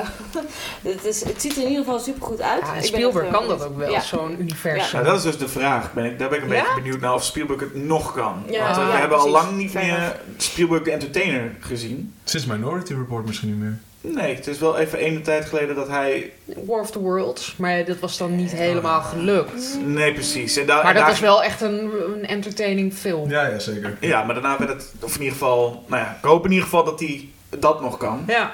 En ook de, het boek, het is, het is echt, ehm, er zitten ontzettend veel verwijzingen in. En je ziet ook al in de trailer van de film. Ik hoop dat de, de film niet bezwijkt onder zijn eigen visuele geweld, zeg maar. Dus dat het, of dat het Ja. Of dat het een reference the movie is. Dat Ja, het alleen maar is dat, van... ja. eh, look Ja. at this, look at that, remember this, remember Oh, weet je that. die auto nog? Ja! Ja, en de. Iron Giant, yay! Ja. En eh, super tof. Ik hoop dat hij het vol kan houden voor, god, wat zal het zijn? Twee uur waarschijnlijk. Ehm, Nou, waarschijnlijk iets langer. ja, precies. En Rampage ziet er natuurlijk gewoon vreselijk uit. Ja, maar ik wist ook, ik, Wat is dat ook alweer? Is, is dat The Rock met een gorilla of zo? Ja. Ja, maar dat wordt dan ook een vliegende wolf.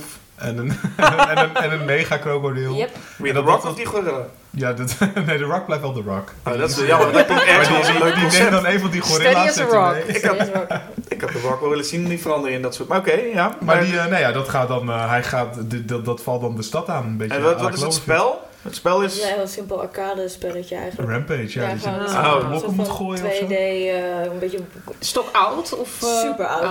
Ja, het is eh, zeg maar dat je met dat gorillaatje zo'n gebouwtje op kan en dan hangen er van die soldaatjes uit de raam die piu piu piu en dan moet je die Ah. wegslaan. Oh, want in het spel Ja. ben jij die gorilla. Ja, je bent met een beetje aan het rondlopen met die... Tenminste, van wat ik er vanmiddag van heb gezien. Dat Ja, is het. En dat valt me dus ook altijd op ze in, dus- in, in heel veel gamefilmen. valt mij op dat de hoofdpersonages ook nooit interessant zijn. En volgens mij heeft dat deels ook te maken met dat eh, personages in een game ook vaak, de hoofdpersonages die jij speelt, ook vaak heel leeg gelaten worden. Ja. Zodat Ja. jij het kan spelen. Maar je ziet dan ook in de verfilmingen dat heel veel van die hoofdpersonages helemaal niet boeiend zijn. Ja. Of niet moeilijk worden gemaakt in het geval van Nee, Max Payne precies. bijvoorbeeld. Ja, waar gewoon echt een complete kans heb laten liggen om dat een beetje een leuke film te maken. Ja, Ja. Dus ik hoop, oké, als ze nou The Rock, en het gaat gewoon puur over The Rock en een of andere gorilla, maar The Rock is ook nog een beetje een interessant Ja, personage. of eh, Lara Croft, dat die eindelijk een beetje invulling krijgt. Ja. Eh, dat, dat kan ik me dus wel op, niet aan de hand van de trailer, daar zag ik dat niet aan. Maar dat ze wel eh, die Alicia Vikander, heet ze zo? Ja. Ja. Volgens mij wel. Eh, die hebben gecast en je,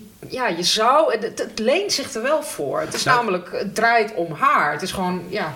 Nou, het is natuurlijk ook wel een beetje de tijd van sterke vrouwelijke personages. Denk Ja. je dat ze dat kunnen dragen? Of dat ze er dan gewoon zo'n... Oeh, ik ben een hele sterke vrouw, fysiek. En dan Als je de trailer ziet, de- denk ik dat. Ik zag in de trailer niet veel verschil met die en die van Angelina Jolie. Nee, het was gewoon een soort gewoon van... hetzelfde. Ja. Ik, ben een, ik ben een coole chick en ik laat zien dat ik cool ben de hele film lang. En er zit verder geen ontwikkeling. Het is gewoon, ik ben cool aan het begin, ik ben cool aan het Ja, einde. wat, wat zou zo'n ontwikkeling kunnen zijn? Even voor haar. Ja, het, het gekke is dat in de games ze juist iets kwetsbaarder geworden is. Ze zijn ook in de games een beetje terug aan de tijd. Ze werd ook wat jonger op een gegeven moment, dus wat minder ervaren. Wat haar dus kwetsbaarder maakte en wat die games ook een stuk leuker maakte. Omdat ze dus niet die stoere vrouw was die alles kon, maar juist iemand was die nog een beetje dingen aan het ontdekken was. Ja.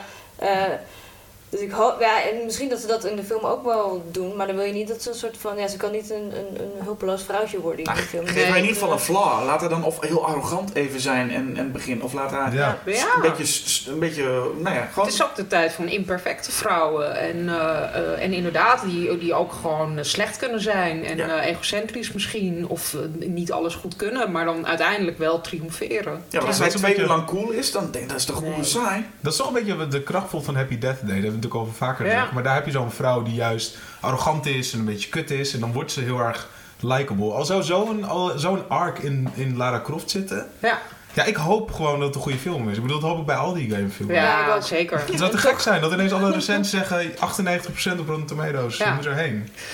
Daar gaan we. Eh, Daar gaan we. Daar Ja. gaan Ja, natuurlijk niet. ook wel met het. Ik denk op het moment dat zo'n studio eh, de rechten voor een vi- video van een videogame koopt voor een film, dat ze ook wel de doelgroep in gedachten hebben wat gewoon jonge jongens zijn. Ja. En dat ik altijd bang ben dat daar ook dan een deel van misschien wel. eh, Dat dat dus niet waar is. Want wij nemen allemaal uit ons Ja. jeugd Tomb Raider mee. Misschien Basje niet, maar de rest Nee. van ons wel.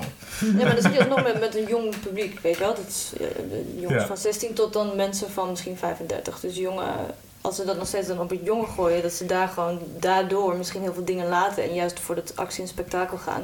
Wat de film uiteindelijk niet ten goede komt. Nee.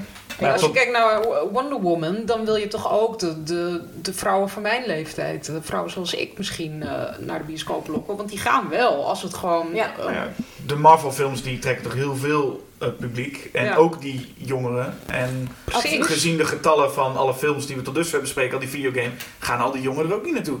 Want ze floppen behoorlijk. De, Ja. Heel veel van die gameverfilmingen Oh, floppen. Ja, nee, gigantisch. dus dan denk je, ook al zetten ze op dat publiek in, die, bereik, die bereiken ze ook niet niet. Nee, precies. Oké. ja. Ja, ik eh, zal nog even vertellen dat Tomb Raider op 15 maart uitkomt in de bioscoop. Ready Player One op 29 maart. En dan hebben we ook nog Rampage, die komt op 19 april uit. Dus eh, we kunnen ons hart ophalen of niet. Nee. En dan gaan we nu luisteren naar de column van Erik.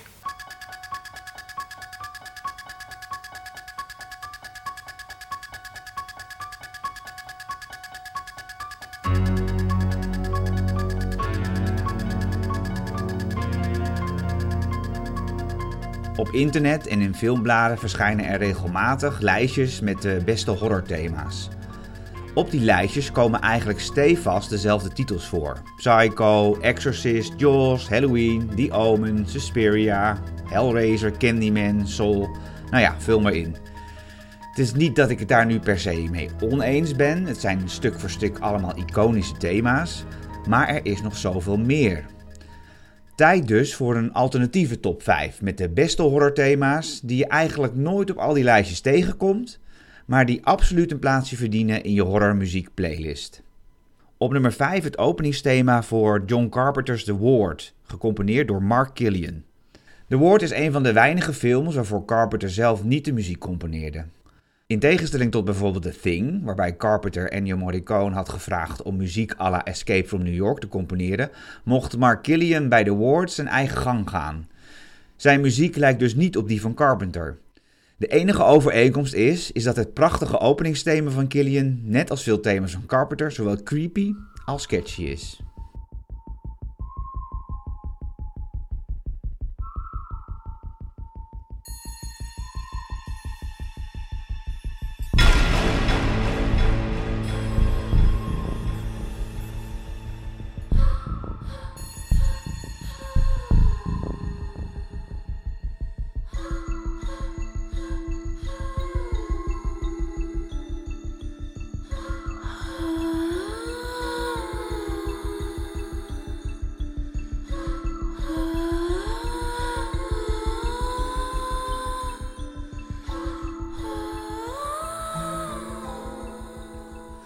Op nummer 4 het hoofdthema van The Puppet Master, gecomponeerd door Richard Band.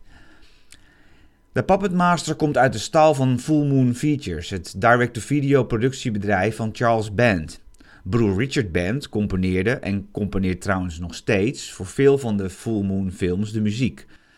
Zijn bekendste score is die voor Reanimator van Stuart Gordon, maar zijn meest memorabele thema is ongetwijfeld het speelse hoofdthema voor de Puppet Master.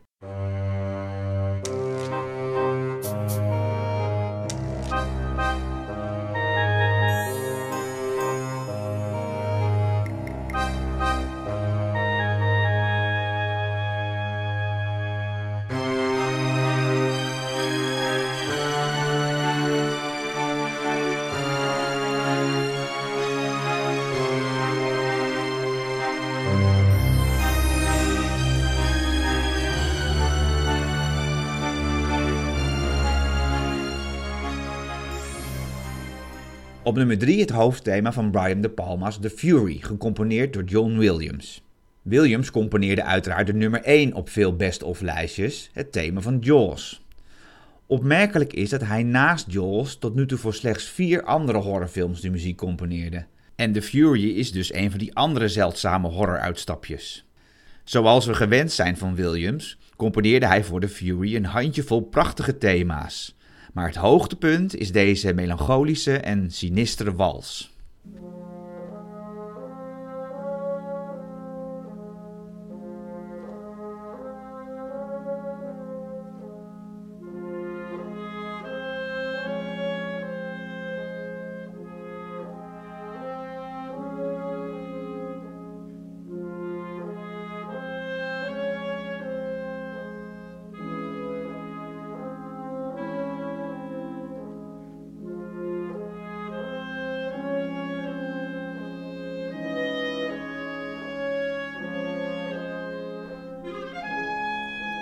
Je weten welke andere horrorfilms er op het cv van Williams staan? Luister dan naar aflevering 4 van de Schokkend Nieuws podcast. Nummer 2 in mijn alternatieve top 5 is het openingsthema van Drag Me to Hell, gecomponeerd door Christopher Young. Christopher Young brak in 1987 door met zijn gotische score voor Hellraiser. Daarna keerde hij regelmatig terug naar het horrorgenre en componeerde hij onder andere in 2006 de muziek voor Drag Me to Hell van Sam Raimi. Het aanstekelijke hoofdthema bevat een duivels elementje. De solo-viool wordt namelijk bespeeld door tien vingers, wat eigenlijk helemaal niet kan. Het zijn meerdere partijen die later op vernuftige wijze bij elkaar zijn gevoegd, met als gevolg dat het lijkt alsof de duivel zelf meespeelt.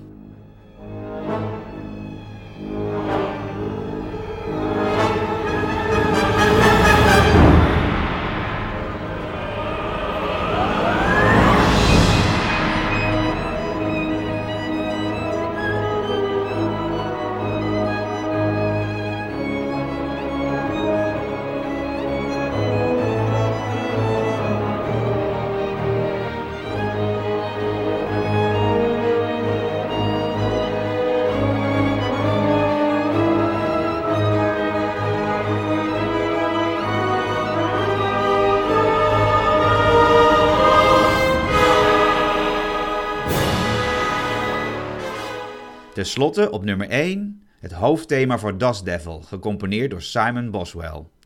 Voor de bovennatuurlijke moordenaar in Das Devil componeerde Boswell een melancholisch, bijna heroïsch thema met een vleugje western.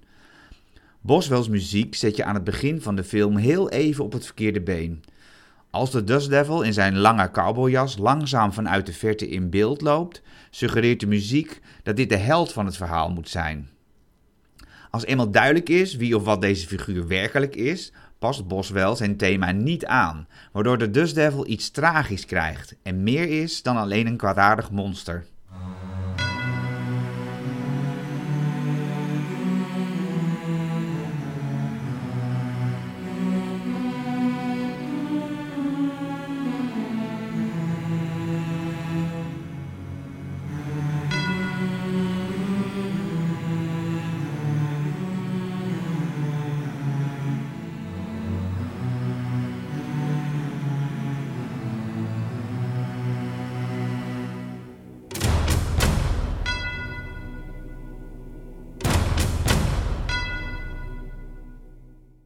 Dankjewel Erik.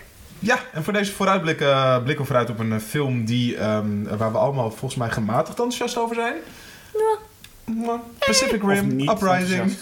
Ja, ik, ik wist niet dat we er nog één nodig hadden. Nog een Pacific Rim? Nog Nee. een Pacific Rim. Niet dat, dat het niet hoeft, maar ik, eh, ik verbaas me er een beetje over dat er nog een tweede gekomen is We hadden hem ook niet nodig. Nee. We hebben hem niet nodig, toch? Nou, ik ga weer, Heel erg. ik- ga weer wat- ik ga weer wat tegengas geven. Dat, Ja, dat doe ik. Zeg wel. maar waarom we hem nodig hebben. Nou kijk, ten eerste de eerste Pacific Rim, Guillermo del Toro, hallo.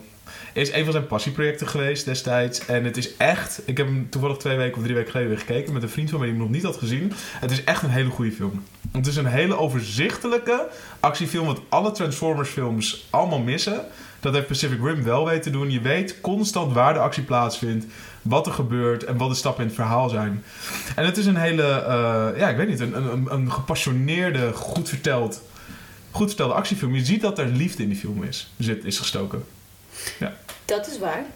En nu krijgen we dan het vervolg. De, de, en eh, niet geregisseerd door Guillermo del Toro, maar door een eh, Steven S. Tonight. Die dan meer in de televisie zat als producer en regisseur. En die hiermee een speelfilm eh, debuut maakt. Ja, dat maakt het een beetje spannend. Heel spannend, Ja. ja.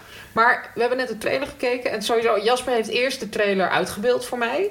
Eh, dat was heel- Dat was ook niet moeilijk om te doen, toch? Jasper, kun je dat misschien voor mij doen? De trailer uitbeelden van Pacific Rim. Het was gewoon niet zo moeilijk als je de trailer niet gezien hebt. Het is robots, het is monsters en het is veel stuff happening. En Ja. boom boom, knal knal, dat is echt letterlijk wat er gebeurt. En dat is eigenlijk wat de eerste film ook was. Ik bedoel, we kunnen zeggen dat de film... De eerste film, het was de beste Power Rangers verfilming die we tot dusver hebben. Maar dat zegt niet heel veel. Maar het was geen goede Nee, dat film vind ik echt, echt onzin. Hoe lang geleden is dat je deze film hebt gezien? toen die uitkwam. Nou, ik, ik vind dat je die film echt moet gaan kijken weer. Serieus, nog een ja, keer? Ja, gewoon... moet- Zet het, zet het, eerste, zet het eerste half uur uit. Het is namelijk een film die echt veel... Als je een film kijkt en je kan je op zijn minst nog iets herinneren van die film, kun je nog iets herinneren van het design van een van die monsters. Ja. Die monsters zagen allemaal toch soort uit als een soort Godzilla-achtige. Ja. Geen, geen enkel had een cool design. Of Nee. noem mij degene met een cool design. Hij had zo'n vlieger, die vond ik heel vet. Dat was een vliegende. Ja. Goed argument inderdaad. En de, en de personages, waarom je eigenlijk een sequel vaak wil zien, is van oeh, ik ben benieuwd hoe het nu met de personages gaat. De hoofdpersonages van de eerste film zitten er niet eens in. Er zit nu volgens mij een zoon Wel. in. Er zit een zoon in van. De zoon van, van Idris Elba zit erin. Alsof wij Idris Elba zagen in de eerste film en dachten: ik ben benieuwd hoe het met zijn zoon gaat. Ja, want Idris Elba speelde een hele belangrijke rol in de eerste film. Ja? En nu Die- is het gewoon een soort ruziemaker geworden. Ja. Maar Nee, maar wacht even, wacht even. Want er zit ook de dochter of de zoon, weet ik even niet meer, van die Chinese chick zit erin. Dus iedereen zit Wat goed iedereen dat je dat inderdaad die Chinese chick noemt. Als je een film ziet, dan heb je op zijn minst toch... Oh, dat personage, die Chinese chick. Ja, maar, maar ik heel graag van haar draait het. Zij is in deel 1, is zij de, degene die de vrouwelijke eh, Ke- Kaigu, nee, Jager Fighter, die dus niet eh, dat mag worden.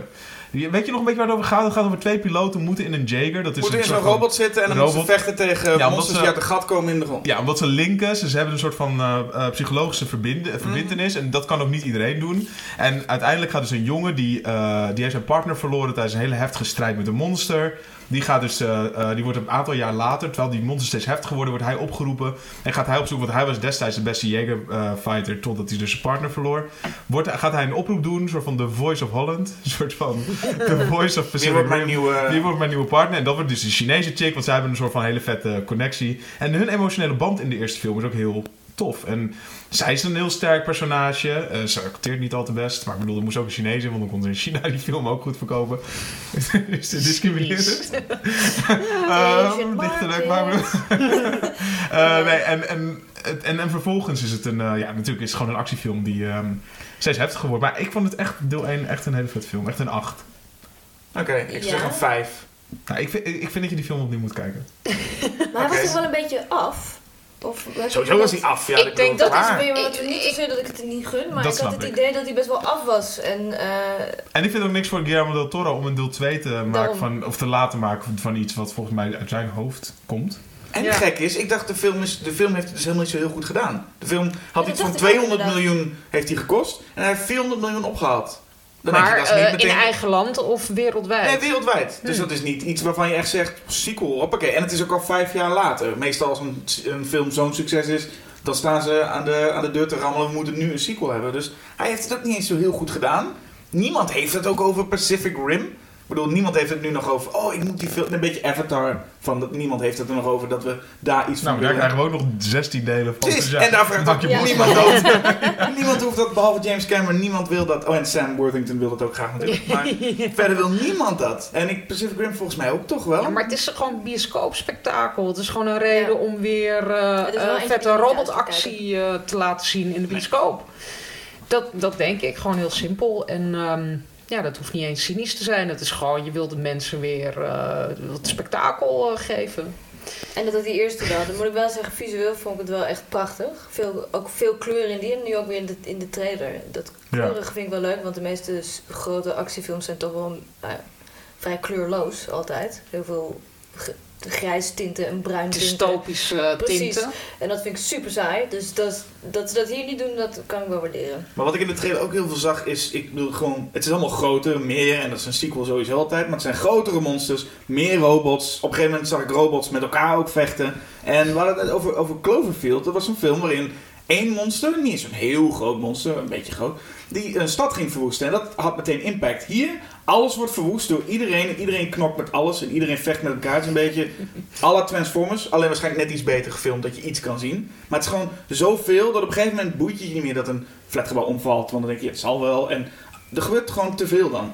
Ja, maar ik denk dat het dus echt een soort kermisrit meer is dan Ja. een film waarbij je zo, hm, wat vind ik hiervan? Dan ga je gewoon op een gegeven moment even popcorn halen of... eh, maar een kermisrit is ook leuk als op het moment dat je bijvoorbeeld een achtbaan hebt die af en toe een keer iets heel cools doet. En niet Ja. een achtbaan die 600 keer hetzelfde rondje Nee, doet. maar ik hoop dat hij dat dus dat dat ook het geval Dat is wel zal zijn. subjectief.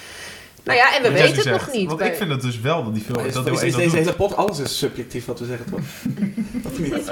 Dit, dit is alles. Dat is waar. Maar, Nou ja, goed. Ik had, dus Jasper had voor mij de trailer uitgebeeld. Toen dacht ik, nou, dat ziet er niet boeiend uit. En toen ging ik de trailer net kijken. En toen dacht ik, nou, eigenlijk heb ik er best wel zin in. Ik heb wel zin in die kermisrit. Heel positief. Thank you. Dankjewel. You're welcome. Nou, Pacific Rim Uprising is te zien. Die kermisrit vanaf 22 maart. Yay. En dan eh, zijn we alweer aan het einde beland. Ik wilde nog even zeggen dat ehm, deze podcast komt iedere laatste donderdag van de maand online. Dus dat betekent dat de volgende op 29 maart online staat. Maar ik wil ook graag tippen, eh, ons zusje als het ware, of broertje, eh, de podcast Julius versus Jasper. Ehm, ik ben ze zelf even gaan inhalen, want ik had de eerste wel geluisterd, maar eh, daarna was ik het eh, vergeten. En ze zijn onwijs leuk. En het is echt ook heel leuk om te binge luisteren. Dus eh, doe dat vooral. En er is ook een nieuw Schokkend Nieuws magazine net uit. En die gaat helemaal over Black Power. Een Black Power special. Dus de Black Panther komt daarin voor. Maar ook ehm, jij, Jasper, hebt toch een interview gedaan met, Tony Todd. Ja, de Candyman. Candyman. Hoe was Heel hij? leuk. Was het een leuke man? Was een, e- was een hele vriendelijke man. En überhaupt om met hem te praten eh, en dan die hele donkere stem aan de andere lijn te horen, dat is echt heel, heel tof. Ja, tof. Ja, ik vond het een leuk interview ook. Het is sowieso echt een heel fijn nummer weer. Ehm, nou, ik ben niet bij, met het magazine eh, Het is het eerste nummer, eerste nummer van eh, hoofdredacteur Vincent. Oh ja. Vincent Ja. Hoberg is voor de eerste keer heeft hij nu eh, als hoofdredacteur een eh, blad gemaakt. Dus eh, ook complimenten daarvoor. Ja, nou, en dan verder eh, kan je ons altijd benaderen natuurlijk. Eh, liever niet op straat, maar dan herken je ons niet, want eh, je herkent alleen onze stemmen. Nee. Maar wel op straat. Oh, zo, Eén Tim wel. Ja. foto met een fan. Ja, selfie. Nee, via Twitter kan dat, Facebook, Instagram, of je kan ons mailen naar podcast.schokkendnieuws.nl. En wat ik ook nog even wilde zeggen is dat zowel Jasper als ik ge- geselecteerd zijn door het Imagine Film Festival. Want volgens mij is dat de volgende keer. Zien Niet als persoon, toch? Maar jullie Nee. films. Onze oeuvre. We krijgen een oeuvre award. Nee, eh, s- eh, Jasper heeft een film gemaakt, eh, The Sandwich. En ik heb onlangs een film gemaakt, Me Jimmy. En die zijn allebei te zien op Imagine. Dus eh, dat wordt, eh, Superleuk. jullie moeten wel komen. Want dat is volgens mij de volgende keer dat we elkaar zien. Want ik denk dat Julius hier de volgende keer weer zit. Nou, wie weet. Dus Ja. eh, dan... eh, ha, spannend! Misschien breken we wel door. Misschien breken we wel Kunnen we door. daarna Pacific Rim 3 maken? Dat zou wel leuk zijn. Oh. Als duo. Ja. Ik productie, jij regie? Oké. Nou, dan gaat Basje die gaat erheen. Ja. Ehm, dus eh, dit was het. Eline, hoe vond je het? Ja, heel erg leuk. Was het de eerste keer dat je in een podcast zat? Of maak je stiekem die andere, die andere podcast van wie we de naam niet hier uitspreken? ja, precies die. Nee. Goed zo. Lekker voorzien. Nee, grapje. Gaat het? eh, Oké. Ik vond het ook weer. Just go Nee, nee, with het is de it. eerste keer, maar ik vond het heel erg leuk. Ik vind het sowieso heel leuk om over games te praten eh, op een ander niveau dan het ziet er zo goed uit of even lekker schieten. Eh, dat is altijd wel heel erg fijn. Tof. Nou, Ja. het was, je was een hele leuke gast en we hebben eh, van je genoten. Dank Ja. je. Ook. Heerlijk. Nou, dag. Doeg. Doeg!